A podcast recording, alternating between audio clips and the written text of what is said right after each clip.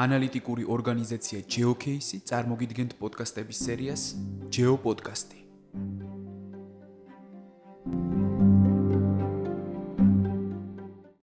მოგესალმებით. თქვენ უსმენთ GeoPodcast და მე მისი წამყვანი ბაჩო თორთლაძე ვარ. ჩვენი დღევანდელი გადაცემის თემაა თანამედროვე ომების გაკვეთილები, ხოლო გადაცემის სტუმარია ანალიტიკური ორგანიზაცია GeoCase-ის თავდაცვისა და უსაფრთხოების მიმართულების დირექტორი გიორგი ანთაძე. გიორგი, გამარჯობა, დიდი მადლობა გადაცემაში მოსვლისთვის და მონაწილეობის მიღებისთვის. მოგესალმებით, გამარჯობათ, იმედი მაქვს საინტერესო საუბარი შედგება. ხანგრძლივი პაუზის შემდეგ GeoPodcast-ი უბრუნდება მსმენელს და პრინციპში ამ პერიოდში ძალიან ბევრი საინტერესო მოვლენა მოხდა, რომელიც სასაუბრო თემის თვალსაზრისით საინტერესო იქნება დარწმუნებული ვარ. მოდი პირველ რიგში დავიწყოთ საუბარი ყარაბაღის კონფლიქტით, უფრო სამხედრო ასპექტებით, რა დავინახეთ, რა გაკვეთილები შეიძინა სოფლიომ და რა იყო ის ნოვაცია, რაც ამ კონკრეტულ სამხედრო კონფლიქტში აღმოაჩინეთ ჩვენ ყველამ ერთად. კი ბატონო, ძალიან საინტერესო შეკითხვა არის და მე რამდენიმე ასპექტზე გავაკეთებდი, ასე ვთქვათ, გავამახვილებდი ყურადღებას, რაც ჩემი საზრით საინტერესო უნდა იყოს ნებისმიერი ადამიანების ადამიანისთვის, ვინც ვთქვათ, კონფლიქტებს სწავლობს, უყურებს, ან უბრალოდ აინტერესებს რაღაც სამხედრო თეორიული ან პრაქტიკული თვალსაზრისით. რა სიახლეები ხდება ამა თუ იმ კონფლიქტში? სამწუხაროდ კონფლიქტები ჯერ კიდევ საკმაო რაოდენობით ხდება. დედამიწაზე და ბოლო ყარაბაღის ასე ვთქვათ მეორე ომი უკვე როგორც ესე უწოდებთ იყო გარკვეული მნიშვნელოვანი თვისებების მატარებელი ამ ჭრილში პირველი მე რაზეც გავამახვილებდი ყურადღებას დავიწყებდი პოლიტიკური ასე ვთქვათ შლეიფით და ახსნი რატო არის ეს მნიშვნელოვანი სამხედრო თვალსაზრისითაც ეს იყო ერთი მსხვილ ძალიან საინტერესო კონფლიქტი, რომ ეგრეთ წოდებული თავისი watchdog-ები ყავდა, მე ვიტყოდი და ამ watchdog-ებში მე გულისხმობ დაპირისპირებულ ხარეების ორ ძირითად მეგობარ ქვეყანას, ან ქვეყანას, რომელსაც უნდა უზრუნველყო სამოკავშირეო, ასე თქვა, თვალსაზრისით ურთიერთობა და კონფლიქტის შემთხვევაში, რა თქმა უნდა, მხარდაჭერა გულისხმობ თურქეთსა და რუსეთს. ძალიან ნათლად გამოჩნდა თავიდანვე რომ ამ ორ ქვეყანას შორის გარკვეული რაღაცა ბჭყალებში მოდი მაინც თქვა რომ რაღაც შეთანხმების გავსი იყო იმიტომ რომ ფაქტობრივად პირდაპირ მონაწილეობა უშუალოდ იმ ხარისხით როგორც მოლოდინიც იყო იგივე სომხეთის ხარისხი ეს არ იყო და რაც თავარი არის მათმა ესეთმა ჩართულობამ ფაქტობრივად უზრუნველყოს ის უზრუნველყო ის რომ ცა საბრძოლო როგორც საბრძოლო განზომილება როგორც სივრცე იყო აზერბაიჯანისთვის ღია და რას გულისხმობ ამაში? ავიაცია ამ დაპირისპებულ სომხეთსა და აზერბაიჯანის შემთხვევაში, ორივე შემთხვევაში ყველაზე ნაკლებ განვითარებული, ასე თქვა, სახეობა იყო და უშუალო საბრძოლო ავიაციას ძალიან მეორე ხარისხოვანი როლი, მეორე ხარისხოვანი როლი შეასრულა ამ კონფლიქტში. მაგრამ აზერბაიჯანს ამან მისცა აი ამ ჩაურევლობამ, ერთის ხრივ რუსეთის საში ჩაურევლობამ და მეორე ხრივ თურქეთის ხარდაჭერამ იმის ზაობამაც, რომ აი ეს განცხადებები თუ გახსოვთ რომ ეს F-16-ები აზერბაიჯანის ტერიტორიაზე განლაგებული და ასე შემდეგ შეიძლება პირდაპირ ესეც არ იყო, მაგრამ თავის როლს ასრულებდა საინფორმაციო ომის მიდიოდა, ხო, პარალელურად. კი, ეს იყო გზავნილი, რომ თუ რაღაცა ცაში, ცაში არის საშუალებები, რომელიც აზერბაიჯანს ისე დაეხმარება, როგორც საჭიროა. ამან ფაქტობრივად აზერბაიჯანს მისცა ბოლო წლებში მისი აქტიურად განხორციელებული ინვესტირება დრონების მიმართულებით. აბსოლუტურად გაეაქტურებინა და გადამწყვეტ ფაქტორად ექცია ბრძოლის ველზე. და ეს უბრალოდ მეორე კომპონენტი იყო, აი თანამედროვე მაღალ ტექნოლოგიური იარაღის პირველი ესეთი დიდი, შეიძლება ითქვას, გარდამტეხი გავლენა ბრძოლის ველზე.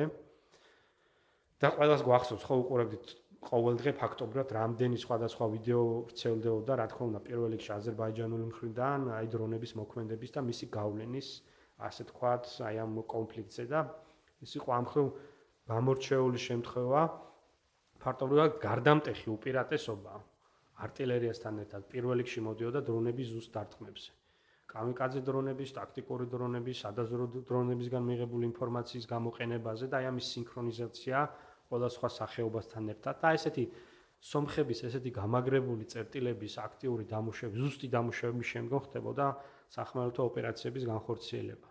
ეს იყო ძალიან მნიშვნელოვანი ფაქტორი, როგორც აღმოჩნდა, რომ ის წარმოქმნა, მათ შორის სომხურ ხარეშიც, რომ რუსეთის მოკავშირეობა და ის ტრადიციული შეიარაღება და ეს წლების განმავლობაში გამაგრებული პოზიციები ამ კონფლიქტის ფრონტის ხაზზე იქნებოდა საკმარისი, ასე არ აღმოჩნდა.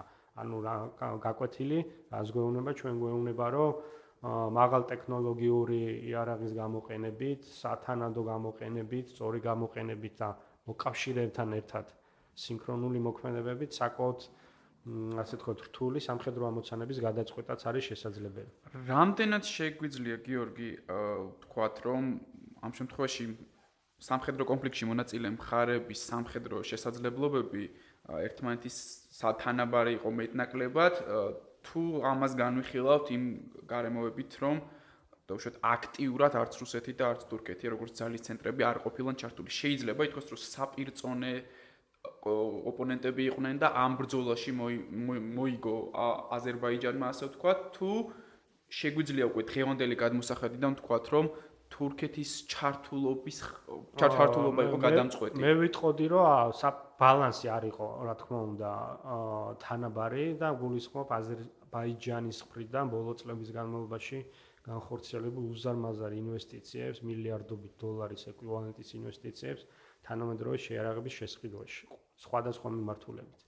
აა სომხეთს ასეთი ასე თქვა საპირწონე შესყიდვები არ განუხორციელებია და რაც თავარი მარტო ყიდო არ არის ამ იარაღის მერე ჯარში დანერგვა არის და მისი ათვისებაც მნიშვნელოვანი საკითხია ეს სომხეთს ადეკვატურად არ უქნია და ამ შემთხვევაში მეწილად მაინც რუსეთის ფაქტორზე იყო დამოკიდებული და რუსეთის ფაქტორის იმედიც ჰქონდა აქედან გამომდინარე მე ვერ ვიტყოდი რომ ბალანსი თანაბარი იყო თუმცა იყო სურათი როგორ არის იცით განსხვავდება სახეობიდან სახეობაზე ან გვარეობიდან გვარეობაზე სურათი არის კომპონენტები სადაც მეტყაკება თანაბარიც იყვნენ არის კომპონენტები სადაც შეიძლება ყოველას ეგონა ან სომხეთს ქონდა უპირატესობა და ასე შემდეგ მაგრამ საერთო ჯამში სამხედრო მანქანის ეფექტურობას რასაც განაპირობებს ეს ცხადი იყო რომ აზერბაიჯანს ბოლო წლებში ამ ხრივ გაცილებით აქტიურად ქონდა ნამუშევარი და ეს პირდაპირ ითარგმნა მეორე ბრძოლის ველს კიდევ ერთი ძალიან მნიშვნელოვანი ფაქტორი იყო მაგალითად ზუსტად მაგალითად სპეციალური ძალების გამოყენება და მათი როლი აზერბაიჯანის მხრიდან უშუალოდ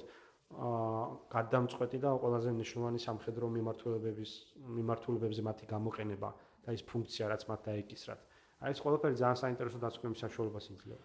შეგვიძლია ვთქვათ რომ დრონების გამოყენება ამ ფორმით და ასე ვთქვათ მათ ფუნქციური მრავალფეროვნება და იმ რაოდენობით ჩართვა ამ სამხედრო ოპერაციაში რაც აზერბაიჯანმა შეძლო ეს არის გარკვეული თვალსაზრისით სამხედრო პარადიგმის ცვლილება და რა რა გაკვეთილი მიიღო სოფლიო მიგივე აი ამ კონკრეტულ ამ კონკრეტული ასპექტის გათვალისწინებით. მე ვერ ვიტყოდი რომ პარადიგმის ცვლილება არის, იმიტომ რომ კონცეპტუალურად ახალი არ ყოფილა აქ მასშტაბურად თვითონ დრონების ფუნქციური გამოყენების თვალსაზრისით, აქ უფრო რაოდენობრივ და ასე ვთქვათ მასშტაბურ გამოყენებაზე საუბარი, ოღონდ კიდევ ერთხელ იმის გამოყენებით, რომ კონტრსაშუალებები მეორე მხარეს ნაკლებად გააჩთა და პირველ რიგში ავიაციას იგივე გამანადგურებელი ავიაცია ფაქტობრივად საერთოდ არ მონაწილეობდა ამ კონფლიქტში. აი სწორედ ამ კუთხით მინდა ასე ვთქვათ გავაგრძელოთ საუბარი, რომ განსაკუთრებით მცირე ბიუჯეტის მქონე სახელმწიფოებისთვის რამდენად შეიძლება ეს იყოს კარგი გაკვეთილი, ვინაიდან ჩვენ კარგად გვესმის, რომ ავიაციის პარკის არსებობაც კი საკმაოდ დიდი ფუფუნება არის და შეიძლება ითქვას, რომ ამის უფრო ხარჯ-ეფექტურ ალტერნატივად გამოიკვეთა დრონების არსებობა. დრონე დრონები მთლიანად ვერ ჩაანაცვლებს საბრძოლო ავიაციას, ეს გამორიცხული მას თავის ძალიან მნიშვნელოვანი ფუნქცია გააჩნია, თუმცა ის რომ აღალ ტექნოლოგიური იარაღის შეუძლია გარკვეულ ვითარებებში მე ესე ვიტყოდი, გარდამტეხი ოპერატიული ასე ვთქვათ ფაქტორის როლი შეასრულოს, ეს ცხადი არის, ეს პრინციპში არც ეხლა ყოფილა სიახლე და არც მანამდე ყველა ეპოქისთვის იყო დამახასიათებელი გარკვეული ფაქტორების გამოჩენა, რომელთაც გარდამტეხი უპირატესობის მოპოვება ხდებოდა და არ ვიცი, იგივე ვირტუალი არაღის ასე თქვა ფაქტორიც რო ავიღოთ მაგალითისთვის ისტორიიდან მეორე სოფლიო ომში ამერიკის ხარეზე მისმა გამოყენებამ და გამოჩენამ ფაქტობრივად გააჩერა დაამთავრა მეორე სოფლიო ომი, მხელა ასე თქვა უპირატესობის საშუალება გაჩნდა. აქედან გამომდინარე, გაკვეთილები ჩვენ რომელიც უნდა გავაკეთოთ არის ის რომ აუცილებლად უნდა განვავითაროთ ეს მიმართულება და ამ ამ ხრივ რაღაც ნაბიჯები უკვე გადაიდგა, რომ აუცილებელი კომპონენტია დღეს თანამედროვე კონფლიქტების ზუსტი იარაღი, ზუსტი შეიარაღება და მათ შორის დრონებიც, იმიტომ რომ დრონი მხოლოდ სადაზვერვო თვალსაზრისით არ გამოიყენება, ძალიან მნიშვნელოვანია რომ მას ასე ვთქვათ, ზუსტი იარაღის წარებაც შეეძლოს, ან კიდევ დაზვერვის მიზნის ზუსტი იარაღისთვის მიზნის ას განსაზღვრა და მითითება. ასე რომ ეს კომპონენტები თანამედროვე ბრძოლის ველის ძალიან მნიშვნელოვანი მნიშვნელოვანი შემადგენელი ნაწილი არის და ეს ერთ-ერთი ის გაკვეთილია რაც რაც რა თქმა უნდა ამ კონფლიქტიდან ჩანს. მაგრამ მე ვიტყოდი ძალიან მნიშვნელოვანია მისი პოლიტიკური მხარეც, იმიტომ რომ მოკავშირეების როლი და ფაქტორი ფაქტორმა საშუალება მის აზერბაიჯანს ასე თქვათ თავისუფლად გამოეყენებინა იმ ის ინვესტ ბოლო წლებში მის ხრივ განხორციელებული თავდაცვის მიმართულებით განხორციელებული ინვესტიციების ასე თქვათ დივიდენდები აი ბოლომდე მიიღო აი მის ხარდაჭერის გარეშე ღიაცის გარეშე ეს ვერ მოხდებოდა ეხლა რომ რუსეთი აქტიურად ჩართულიყო ან სომხეთს ქონოდა საშუალება იმისი რომ ცაში ასე დაუსჯელად არ არ ემოქმედა თქვა მეორე მხარეს შეიძლება სულ სხვა შედეგი მიგვიღო. ამიტომ ეს იგი ალბათ დღევანდელი გადმოსახვედიდან შეგვიძლია თქვა რომ ეს ორი სახელმწიფო მაინც პირისპირ აღმოჩნდა ერთმანეთთან დიდი სახელმწიფოების აქტიური ჩარევის გარეშე. ხო, მათ ხარჯზე, ანუ წვანეშუქის ანთების ხარჯზე. მე ესე ვიტყოდი, წვანეშუქის ანთების ხარჯზე, რა თქმა უნდა, თურქეთი მნიშვნელოვან საინფორმაციო დაზორის ინფორმაციასაც აძლევდა და აქტიურად იყო ჩართული. სავარაუდოდ დრონების მართვაშიც მე მაგ ამის ეჭვი არა მარტო მე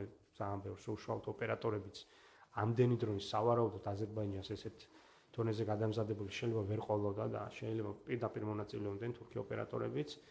მაგრამ ნუ ჯამში ეს გაკვეთილი პირველი რო შევაჯამოთ არის ის რომ დიდ მოთამაშეებს შეუძლიათ ძალიან გარდამტეხი გავლენა მოახდინონ პოტენციურ საბრძოლო სივრცეზე ის რომ ზუსტი და მაღალ ტექნოლოგიური იარაღის როლი და მნიშვნელობა არის ძალიან დიდი თანამედროვე კონფლიქტებში სპეციალური ოპერაციების ძალების გამოყენება უფრო ფართო სპექტრით ხდება ვიდრე საქამდე ხდებოდა ზოგადად და მის წმინდა საბრძოლო ოპერაციებში მისი როლი გაზრდილი არის განსაკუთრებით ისეთ რელიეფზე როგორც მაგალითად ყარაბაღი იყო ანუ თაგორიან რელიეფს გულისხმობდა ამ ხრივად ჩვენი ჩვენი გაკვეთილები უნდა გავაკეთოთ გამოვიტანოთ ჩვენი დასკვნები და აი მგონია რომ ეს არის რაღაცა ის ძალიან თავარი მნიშვნელოვანი რაც აი ამ კონფლიქტმა განახა და პირადი შემადგენლობის მომზადება.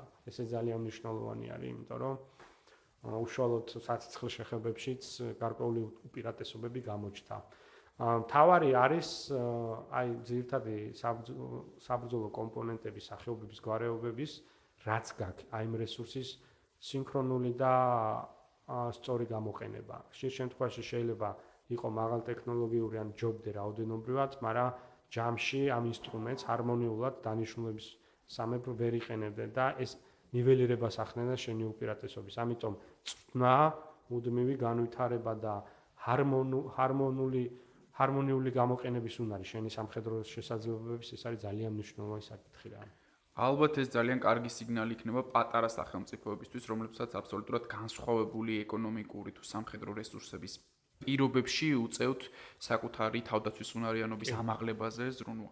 აა მოდით ხა გადავიდეთ უკვე ისრაელის საკითხზე, პრინციპში პირველი კონფლიქტი ჯერ ბოლომდე არ იყო დამთავრებული, კურს მომყარაბახს ამასობაში წამოგვეწია გზაში აა ისრაელის დაპირისპირება ჰამასთან.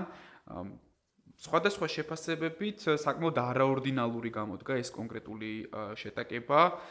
გამომდინარე შეიარაღების მოცულობიდან, რომელიც აღმოჩნდა აღმოჩნდა ჰამასის ხელში. თუ იყო რაიმე სიახლე ამ კონკრეტული შეტაკებების დროს და ზოგადად როგორ შევაფასებდით სამხედრო ასპექტს აი ამ კონკრეტული კონფლიქტის ამ ფაზისა? აი სიახლე იყო რა თქმა უნდა პირველ რიგში დაიტესტა ასეთი მასშტაბური ჭყალებში დატესტვა საჰარო თავდაცვის სისტემის ისრაელის აქამდე არ ყოფილა. მაინც მნიშვნელოვანი განსხვავება წინა 6-7 წელია გასული დაახლოებით წინა ასე თქვა დიდი ესკალაციისგან. და აი გვაჩვენა სამხედრო თვალსაზრისით ის ებრაული სისტემების ეფექტურობა, რომელსაც დაახლოებით 90-დან ზოგიერთი შეფასებით 95% ასე თქვა ისრაელის წინამდე გასროლილი რაკეტების გადაჭერა მოახერხა. აა შინაარსობრივად ახალი არაფერი ყოფილა იმ თვალსაზრისით, რომ ჰამასი ადრეც აქტიურად იყენებდა თქვა რაკეტებს, უბრალოდ მისი არსენალი და არის თქვა კალეიდოსკოპი შეიარაღების არის გაზრდილი. და მას რა თქმა უნდა ირანსაც და სხვა დაინტერესებულ მხარეებსაც აქვს თავიანთი წული შეტანილი. და მეთოდები რომელსაც ის იყენებს ასევე არ ყოფილა ახალი. უბრალოდ მასშტაბურად ის ხო მეორე ესე დიდი შემთხვევა ბოლო წლებში როდესაც ისრაელს აი ესეთი მასშტაბის თავდასხმა ხდება თუმცა მათ არის ძალიან მნიშვნელოვანი განსხვავებით ყარაბაღისგან. აი ამ კონფლიქტში ძალიან აქტიურად არის გამოიყენება სამოქალაქო მოსახლეობის ჩართვა ხდება კონფლიქტში, როგორც როგორც ცოცხალი ფარის და ასე როგორც მონაწილეს უშუალოდ კონფლიქტის. ისრაელის ტერიტორიაზეც პირდაპირ დაპირისპირება ეთნიკური დაპირისპირება იყო ასე თქვა, მოდი ებრაელებსა და სხვადასხვა ქალაქებში ებრაელებსა და თქვა არაბებს შორის და რაც არის ზოგადად მაგ სივრცის ასე თქვა საბრძოლო სივრცის დამახასიათებელი თვისება ეს არის უნიშნულოვანი ფაქტორი. მე ვიტყოდი რომ ფრონტის ხაზი არის აბსოლუტურად ბუნდოვანი ანუ სამოქალაქო მოსახლეობას შორის სამხედრო სამიზნეებს შორის და კონფლიქტის მონაწილე მხარეა ჩვეულებრივი ეს урბანული რაღაცა სამოქალაქო მოსახლეობაც და პირდაპირ მონაწილე არის. თქვა შეტაკებები ხდება სხვადასხვა იმიტომ რომ განსხვავებით იგივე ყარაბაღისგან სადაც უშუალოდ საბრძოლო სივრცე არის მოწყობილი საბრძოლო დაპირისპირებისთვის გამზადებული რაღაც ინფრასტრუქტურის წლების განმავლობაში გამაგრებული ფრონტის ხაზი აქ არის ფაქტობრივად სამოქალაქო მოსახლეობით დასახლებულ ტერიტორიაზე ხდება შეტაკებები და მათ სხვათა შორის ის მოლოდინი არც მე მქონია რომ ისრაელი რაღაც ამ ეტაპზე და ესე დადასტურდა რომ ფართო მასშტაბიან სამხედრო ოპერაციას დაიწყებდა იმიტომ რომ ეს სოფლიო საუბარი გაქვს სოფლიოში ერთ-ერთ ყველაზე მჭიდრო დასახლებულ ტერიტორიაზე, სადაც урბანული, ასე ვთქვათ, განაჩენიანობა უზარმაზარი და მოსახლეობის წილი ძალიან მაღალია და იქ სამხედრო ოპერაციის ჩატარება არის ჯოჯოხეთი და უამრავი თავისი, ასე ვთქვათ, პრობლემის გამომწვევია შესაბამისად. არის აი ეს მნიშვნელოვანი განსხვავებები იგივე. თუმცა აქაც ძალიან კიდევ ერთი ფაქტორი, ასაც ვიტყოდი, გაკვეთილს მცირე სახელმწიფოებისთვის. ორივე შემთხვევაში ეს გაკვეთილია, ეს არის მედეგობა სისტემის სახელმწიფოს ერის თუნდაც ნაციის. ამდენ შეუძლია ერთ გაერთიანება ერთად? ასე თქვა ეროვნული სახელმწიფო მედეგობის გამოვლინება ესეთ გამოწვევების პირობებში. იგივე იქნება პოლიტიკური სპექტრისთვის ეს თუნდაც იმიტომ რომ ჩვენ ვნახეთ რომ ყველა ასე შიდა საკითხვა რა თქმა უნდა ეგრევე მეორე პლანზე გადაიწია. არასოდეს არ უნდა გავმიჯნოთ წმინდა სამხედრო საკითხები ესეთი თემებისგან იმიტომ რომ ომი რა თქმა უნდა პოლიტიკის გაგრძელებაა მისი მის მსახურებაში არსებული ინსტრუმენტი არის და ეს საკითხები ყოველთვის გადაჯვაჭული არის და ეხლა ძალიან მნიშვნელოვანია მათი ურთიერთდამოკიდებულება. ამიტომ პოლიტიკური სისტემების სიმტკიცე პირდაპირ მოქმედებს, რა თქმა უნდა, ქვეყნის თავდაცვის უნარიანობაზე და პირიქითაც. აა ახსენე ღაზა სექტორის სიმჭიდროვე და დაახლოებით 2 მილიონამდე მოსახლე როგორც მნიშვნელოვანი ფაქტორი. ის ალბათ აბსოლუტურად დაგეთანხმები, რომ უნიკალურობას ძენს ამ კონფლიქტის იმ თვალსაზრისით, რომ თვითონ ისრაელის სამხედრო მოქმედებების სპეციფიკა იზღუდება, იმიტომ რომ აქ უკვე შემოდის საერთაშორისო სამართალი და ასე ვთქვათ შვიდობიანი მოსახლეობა არაკომბატანტები და აი ეს როგორც ცვლის უკვე თვითონ ომის და შეიარაღებული კონფლიქტის სპეციფიკას მოდი რა კი ეს ასე ვთქვათ უკვე ვიტყოდი რომ ძველი პრობლემა არის. საერთოდ კომბატანტების აი ესეთი კომბატანტების საკითხი ცვლის რა თქმა უნდა იმ გაგებითაც რომ ეგრეთ წოდებული გარდამტეხი გამარჯვების შესაძლებლობა ძალიან შეზღუდულია ისრაელისთვის იმაში მან უნდა ჩაატაროს სამხედრო ხახმელეთო ოპერაცია. მოახდინოს ფაქტობრივად გაწმენდა ან ოკუპირება ამ ტერიტორიების. და ზოგადად ომი ასე ვიტყოდ იმით ფასდება არა მარტო რა სამხედრო წარმატებას აღწევ ბრძოლის ველზე არამედ როგორ მშვიდობას ტოვებ იქ როდესაც შენ უკანასკნელი ჯარისკაცი ყაზარმას უბრუნდება. აი ამ მშვიდობის ვერ დატოვება ვერ გაკეთება არის ერთ-ერთი უდიდესი პრობლემა რაც მაგ რეგიონს ზოგადად ახასიათებს. არა მარტო ამ კონფლიქტის შემთხვევაში იგივე ერაყის ან ავღანეთის შემთხვევაშიც დღემდე ამერიკის ყველაზე ხანგრძლივი ომია მაგალითად ისტორიისთვის პარალელს ვაკეთებ მაგრამ ისეთი მშვიდობის უზრუნველყოფა დატოვება რომელიც უკეთესი იყო ვიდრე მანამდე იყო ან ხანგრძლივია შესაბამისი სტაბილური მშვიდობის გარანტიებს ქმნის სამწუხაროდ ვერ მოხერხდა ვერცეთ იმის შემთხვევაში ერაყის შემთხვევაში საერთოდ ISIS-ის და სირიის შემთხვევაში კიდე დაუსრულებელი კონფლიქტია და ერაყის შემთხვევაში საერთოდ ნახეთ რომ კინაღამ ჩამოიშალა ფაქტობრივად სახელმწიფო ავღანეთშიც პრობლემა დღეს არავინ იცის ქსელ და საშუალებადიან პერსპექტივაში. რამშვიდობას დატოვებს როდესაც უკანასკნელი ჯარისკაცი წავა და იგივე პრობლემა იქნება ისრაელს ღაზის სექტორის დაკავების შემთხვევაშიც კი იქ მოსახლეობა რომელიც მის მიმართ იქნება პრულად განწყობილი ძალიან დიდ თავის ტკივილს აა გამოიწევს ასე ვთქვა და შევ ძალიან დიდ პრობლემებს შეუქმნებს ისრაელს იქ გადამწყვეტი გამარჯვების მიღწევის უპირატესობა აი ესეთი შემზღუდავი ფაქტორების პირობებში როგორც შენახსენება ჩვენ იგივე საერთაშორისო სამართალი იქნება თუ ამის ზოგადად საბრძოლო სიჩის გავლენა ემა არაკომბატანტების ასეთი სიმჭიდროვე პირდაპირ ასე ვთქვათ სამხედრო სამიზნეები არიან მათი მათი დასახლების ტერიტორია თუნდაც ეს შეზღუდავი გარემოები ძალიან დიდ ეფექტს ახდენს აქედან გამომდინარე თვითონაც ხვდებიან და სავარაუდოდ ეს იყო ერთ-ერთი წინაპირობა იმის რომ სამხედრო სახმელეთო ოპერაცია არ დაიწყო იმიტომ რომ მისი დასასრული ჩანს ძალიან ბუნდოვანი. აი ეს არის ძალიან დიდი პრობლემა და მაშინ უნდა მოახდინოს საერთოდ გაწმენდა იმ ტერიტორიის და ბუფერული ზონის გაკეთება. რაღაც ისეთი წითელი ხაზების გავლება რაც წმინდა სამხედრო თვალსაზრისით მეტი დაცლობის იმას მისცემს ისრაელს მაგრამ ამის ფასი აუცილებლად იქნება იქ ცხოვრები ადამიანების უფლებების ხარჯზე, ასე ვთქვათ, მიღწეული და ეს რა თქმა უნდა პრობლემაა. ამას თვითონ ხვდები. ჩემსაც ეს ყო ერთ-ერთი გარდამტეხი ერთ-ერთი თავარი მიზეზი რის გამოც აი მოვლენები აი პერიოდული ესკალაციებით ხასიათდება, ძალიან რთული იქნება წმინდა სამხედრო თვალსაზრისით საბოლოოდ საკითხის გადაწყვეტა. აი სამხედრო კომპონენტზე რო ვისაუბროთ, ზოგადად ასეთი ტიპის შეიარაღებული კონფლიქტები არის კარგი, მოდი ასე ვთქვათ, საექსპოზიციო სივრცე სამხედრო შეიარაღების მწარმოებელი ნებისმიერ ქვეყნისთვის, რათა რეალურ სივრცეში დატესტოს საბრძოლო მოქმედებებში მის მიერ წარმოებული შეიარაღება. ვიცით რომ ისრაელი არის ამ კუთხით ერთ-ერთი წამყვანი ქვეყანა მისი სხვადასხვა სისტემებით, რა ვიცი, დაწყებული საერთაშორისო სისტემებით, დამთავრებული იგივე საარტილერიო შეიარაღებით. ამ კონფლიქტმა ალბათ და ამ კონკრეტულმა შეიარაღებულმა დაპირისპირებამ ალბათ კიდევ ერთხელ აჩვენა ეგრეთ წოდებული რკინის გუმბათის შესაძლებლობები. როგორ ფიქრობ, რამდენად გაუმჯობესებს ეს ისრაელის პოზიციებს საერთაშორისოდ, როგორც სამხედრო მრეწველობის ერთ-ერთი მონაწილის, ასე ვთქვათ, აქტიურ როლს სოფლიოში. ამ კითხვაზე პასუხისთვის ძალიან კაი პარალელი იქნება იგივე ყარაბაღის ომი და იქ ბაირაკ თარების მოქმედება და ის რეკლამას, რაც ამიარაღმა მიიღო და შემდგომ ამიარაღით, ასე ვთქვათ, შეიარაღებით დაინტერესება სხვა ქვეყნების მხრიდან, იგივე უკრაინის მხრიდან და ასე შემდეგ. განსხვავება ის არის, რომ ჰაერს საწინააღმდეგო სისტემა გაცილებით ძვირი, მოდი ასე ვთქვათ, ფუფუნების საკითხი არის, სულ სხვა სულ სხვა სისტემა ბუნებრივ ფუთავისი ბუნებით და შესაბამისად ამ დაგვარი სისტემების პოტენციური ბაზარი მაინც შეზღუდულია, ანუ საკმაოდ დიდ ფინანსებთანაა დაკავშირებული და შესაბამისად ბაზარი უფრო პატარა არის.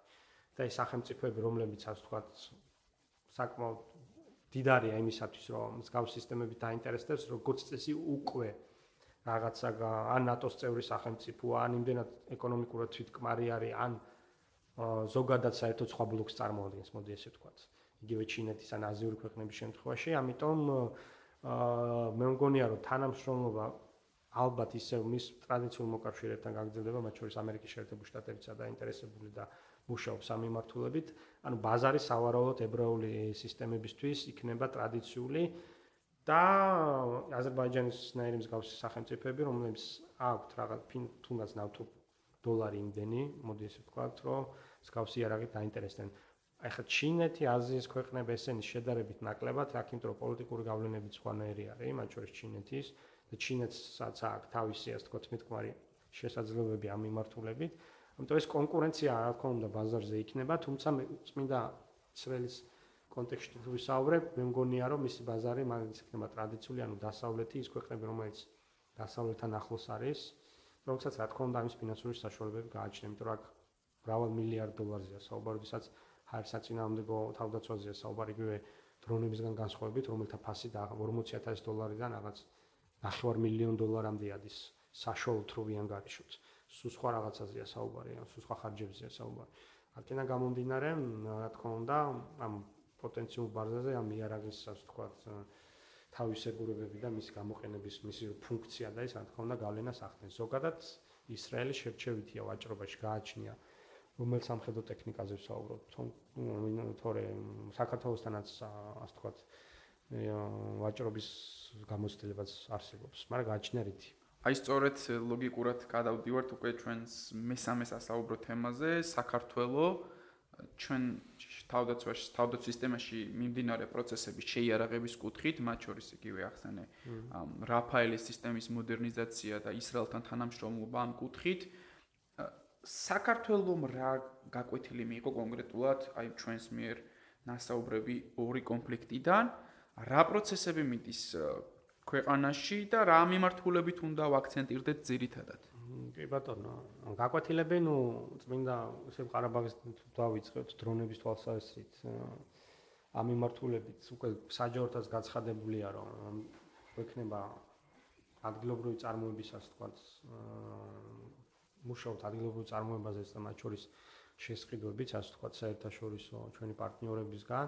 არა ზოგადად უნდა გვახსოვდეს, რომ ძალიან მნიშვნელოვანი არის რესურსების საკითხი და იგივე ბიუჯეტის საკითხი, მაგალითად იგივე ჯავენინების მიღებაც ჩვენ შეერაღებს მხოლოდ მას შემდეგ გახდა შესაძლებელი, როდესაც გარკვეული რეორგანიზაციის მერე ჩვენი თავდაცვის ბიუჯეტში გაიზარდა ანუ იარა ასე ვთქვათ შესყიდვებისა და შენახვის წილი, გამოყოფილი ბიუჯეტის წილი. ამის garaშე შენ ამერიკა მაგალითად იარაღს არ მოგცემს ერთია მოგცე და თუ შენ ბიუჯეტი არ გაკათვალისწინებული მისი შენახვის ასე თქვა შესაძლებლობები ამის garaშე არავინ არაფერს არ მოგცემს. ჯაველინები ამის წინვალი მაგალითია როდესაც ეს საშუალება ჩვენ გაგვიჩნდა ჩვენმა პარტნიორებმა შესაძლებელი ნაბიჯები გადადგეს და ჩვენ ესენი შევისყიდეთ ა გარდა ჩვენ უფრო როგორ ვთქვა იცი უფრო მნიშვნელოვანი ფუნდამენტური გამოწვევები გვაქვს თავდაცვის სისტემის განვითარების თვალსაზრისით ჯერ კიდე ვინაიდან ამ ამ სისტემის არამდგრადი და ხშირად ცვალებადი განვითარების ვექტორები იყო მთავარი პრობლემა. ეხა ისეთ ეტაპზე ვართ, მე სულ მე მოგწას, რომ ჩვენ უნდა ვიფიქროთ გრძელვადიან განვითარებაზე, ზოგადად საზოგადოებაში პოლიტიკურ სპექტრში უნდა შედგეს კონსენსუსი. ძირითად საკითხებზე თავდაცვისა და უსაფრთხოების სფეროში. როდესაც ისრაელზე ვისაუბრე და იმ ერთიანობაზე, ზუსტად აი ამით თქმა მინდოდა, რომ ეს არის მისაბაძი ჩვენს არანაკლებ რთულ გარემოში ვიმყოფებით და პირველ ლიგში რა ნაბიჯებიც უნდა გადათქვათ საზოგადოება და პოლიტიკურმა სპექტრმა უნდა თქვათ რომ თავდაცვის მიმართულებით არის რიგი საკითხები რომელიც უნდა განისაზღვროს. ამაში ვიქნებით ყველა ერთიანი და მის გრძელვადიან განვითარების გეგმის შემუშავების მერე მის იმპლემენტაციაზე ყველა ავიღებთ პასუხისგებლობას. და ეს იქნება სისტემური გრძელვადიანი. ჩვენ გვაქვს რეზერვის პრობლემა ჩვენ გვაქვს რესურსების პრობლემა ჩვენ გვაქვს შესყიდვების პრობლემა, თელერიგი მიმართულებით გადაიარაღებს ამ ჩვენი ქვეყნის საცეცხლე შესაძლებლობები უნდა გაიზარდოს ის ყველაზე სუსტი არის რეგიონში ამ მომენტისათვის.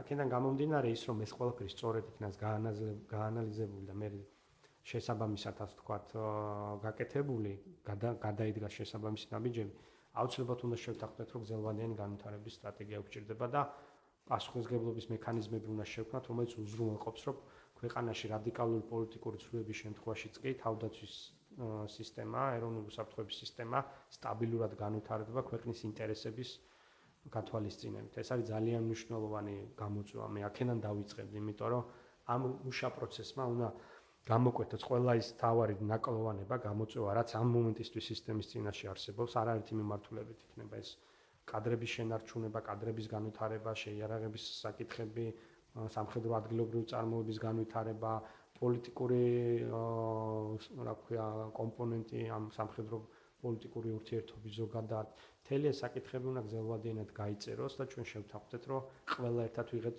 პასუხისგებლობას აი მის იმპლემენტაციაზე. უნდა თქვა, რომ დღეს ჩვენი შესაძლებლობები რაღაცა ამ დონეზე და ჩვენ გვექნება განსაზღვრული თქვა 10 წლიანი სასურველი მდგომარეობა, რომელიც 10 წლის მერე ქვეყანამ უნდა მიაღწიოს და აი ამ მართლობთ უნდა ვიაროთ აუცილებლად.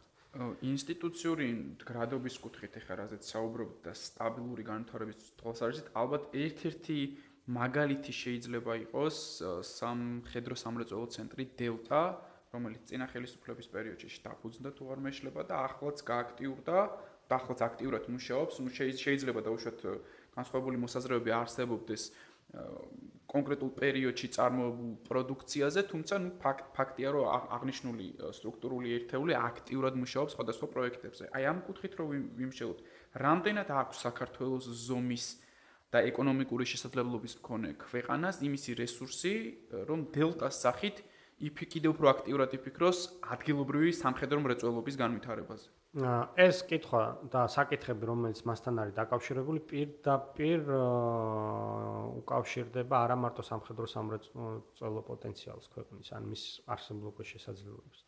ეს არის განათლების სისტემასთან კავშირში. ეს არის მეცნიერების ზოგადად განვითარებასთან ქვეყანაში კავშირში. ეს არის ეკონომიკურ შესაძლებლობთან. ეს არის დაკავშირებული იმასთან, თუ როგორი პირობებია სხვადასხვა, რა ვიცი, ტექნოლოგიური სტარტაპებისთვის, სკაუსი ბიზნესებისთვის, განვითარებისთვის, იმიტომ რომ ძირითადად ნოუ-ჰაუ ან განვითარება ამ სფეროში მოდის კერძო სექტორში. აა ქვეყნები, რომელთაც ეს მონოპოლიზებული აქვს სახელმწიფოს ინსტიტუტების მიერ გაცლებით ნაკლებია, იმ ქვეყნებთან შედარებით, სადაც ეს განვითარებულ სამყაროში მოკლედ ასე ვთქვათ, ეს არის რა თქმა უნდა კერძო სექტორის ხარჯი.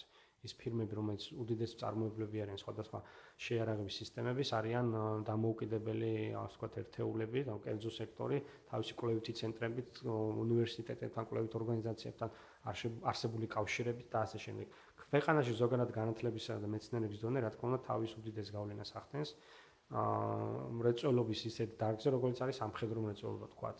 დელტას აქვს საშუალებები, რაც მეტი რესურსი ჩაიდება, ეფექტიც მეტი იქნება, თუმცა ის რომ ჩვენ ხარისხობრივად რაღაც ახალ საფეხურზე ავიდეთ, უფრო მასშტაბური შესაძლებლობები განვითარდოთ, განვავითაროთ ქვეყანაში მეცნიერების და ზოგადად ეკონომიკის განვითარების ამ დონით, ეს ძალიან გაგვიჭირდება უნებრივია. ახსენე კერძო სექტორის ჩართულობა გიორგი და იგივე ჩვენთან იარაღის წარმოების კუთხით ძალიან ბევრი შემზღუდველი რეგულაცია არსებობს პრაქტიკულად სახელმწიფო არის ერთადერთი მოთამაშე ამ ბაზარზე როგორ ფიქრობ ამ კუთხით საზღვრების გახსნა და კერძო სექტორისთვის შესაძლებლობების მიცემა რამდენად დააჩქარებს განვითარების პროცესს? რა თქმა უნდა, რა თქმა უნდა, ეს იქნება ერთ-ერთი გადაადგმული ის ნაბიჯი, რომელმაც ამ პროცესის ასე ვთქვათ, დაჩქარება უნდა უზრუნველყოს. იმიტომ რომ აა საქართველოს ნაერ პირობებში ყოფი ქვეყნისთვის, რომელმაც ფაქტობრივად მისი მეცნიერული აა პოტენციალის, არ ვიცი, ალბათ 90% დაკარგა აა საბჭოთა კავშირის დანგრევის შემდეგ, საბჭოთა კავშირის ჩამოშლის შემდეგ, აა თითქმის ნოლიდან უწევს არაერთი მიმართულების განვითარება. შესაბამისად აა რაღაც სექტორული ძალისხმევა ვერ იქნება იმდაგვარად ეფექტიანი იმასთან შედარებით თუ ქვეყანა ზოგადად სისტემურად დაიწყებს განვითარებას განათლების სისტემის ან მეცნიერების ის სულ სხვა შესაძლებლობების მომტანი იქნება. უბრალოდ კერძო სექტორისთვის ასე ვთქვათ კარების გაღება ქმნის დამატებით საშუალებას რომ გარედან ეს გამოცდილება ინტერესის შემთხვევაში უფრო ადვილად შემოვიდეს და უფრო მეტი შეხების წერტილი გაჩნდეს და მეტი ასე ვთქვათ ინოვაციან მეტი ცოდნა გარედან შემოვიდეს რომელიც შესაბამისად მე ადგილობრივ ბაზარზეც იმოქმედებს და განავითარებს. ამიტომ სისტემურად უნდა გაიძლიოს სისტემურად უნდა გამოიკვეთოს გამოწვევები და ის შესაძლებლობები რომელიც აი ამ სექტორის განვითარებისთვის შესაძლებელია. მათ შორის შეიძლება იყოს ეს სხვადასხვა შეღავათების დაწესება და ასე შემდეგ. ბოლო დამაზუსტებელი შეკითხვა ამ საკითხზე. რა არის ამის ეს ვთქვათ გასაღები მხოლოდ პოლიტიკური ნების არსებობა თუ იგივე საქართველოს ტერიტორიების ოკუპირებ ოკუპაციაც არის ერთ-ერთი ხელშემშლელი ფაქტორი სამხედრო საფრთხების თვალსაზრისით. ხელშემშლელი ფაქტორი იმდენად არის, ამდენადაც ყველა სხვა ეკონომიკის მაგალითად დარგისთვის არის ეს ხელშემშლელი ფაქტორი, მაგრამ მიუხედავად ამისა, ჩვენ გვაქვს გარკვეული ასე ვთქვათ რეალობა ბიზნესის კეთების ან თვალსაზრისით უნდაც, რომელიც დადებით ასე ვთქვათ პირობებსაც ქმნის. პირველ რიგში ეს არის სისტემური მიდგომის საკითხი. აბსოლუტურად უმაღლეს დონეზე სისტემურად უნდა გადაწყდეს სამრეწველო კომპლექსის და მასთან დაკავშირებული დარგების სწრაფი განვითარებისთვის რა შეიძლება გაკეთდეს და რა დამაჩქარებელი მექანიზმების დანერგვა არის შესაძლებელი, იმიტომ რომ ეს თემა აუცილებლად კომპლექსურად უნდა იქნას განხილული. მარტო ერთი საწარმოსთვის რაღაცის დამატება ვერ იქნება ისეთი ეფექტურობის ჩემის აზრით, ვიდრე თუ ჩვენ ამას განვიხილავთ ერთიანი კომპლექსური მიდგომის ჩარჩოში და ჭრილში განათლების სისტემის, მეცნიერების განვითარების, ინოვაციების, ასე ვთქვათ, დანერგვის შესაძლებლობების განვითარების, აი ამ ყველაფერმა ერთად აუცილებლად, იმიტომ რომ ინტელექტი ადამიანი დგას ყველანაირი გამოგონების წინაშე ჯერჯერობით, სანამ ხელოვნური ინტელექტი არ ვიცი, ოდეს მე მას ჩაანაცვლებს თუ არა, მაგრამ ჯერ ესეთი რეალობა, ამიტომ ადამიანური კაპიტალის განვითარება და შესაბამისი პირობების შექმნა ყველა იმ მიმართულებით, რაც მე ვახსენე, ეს ჯამში მოგცემს უკვე მეტ პერსპექტივას, მათ შორის სამხედრო სამრეწველო კუთხითაც. აი ეს არის. ძალიან დიდი მადლობა. პრინციპში ამ საკითხების ამ ქრონომეტრაში ამოწურვა შეუძლებელია, თუმცა ჩვენ მაქსიმალურად ვეცადეთ და მადლობა ამისთვის, რომ სმენელისთვის მიმოხილებლად კი ზოგადი ინფორმაცია მიგვეწოდებინა და შეგვიჯამებინა ფართო რეგიონში არსებული მდგომარეობა და ის გაკვეთილები, რა გაკვეთილებიც საქართველოს მიიღო ამ კუთხით. ძალიან დიდი მადლობა. აა დიდი მადლობა მოსვლისთვის. მსმენელს შევახსენებ, რომ ჩვენ საუბრობდით თანამედროვე ომის გაკვეთილებზე, ხოლო ჩვენი დღევანდელი გადაცემის სტუმარი იყო ანალიტიკური ორგანიზაცია GeoCase-ის თავდაცვისა და უსაფრთხოების მიმართულების დირექტორი გიორგი ანთაძე. მადლობა და მომავალ შეხვედრამდე. მადლობა. Thank you.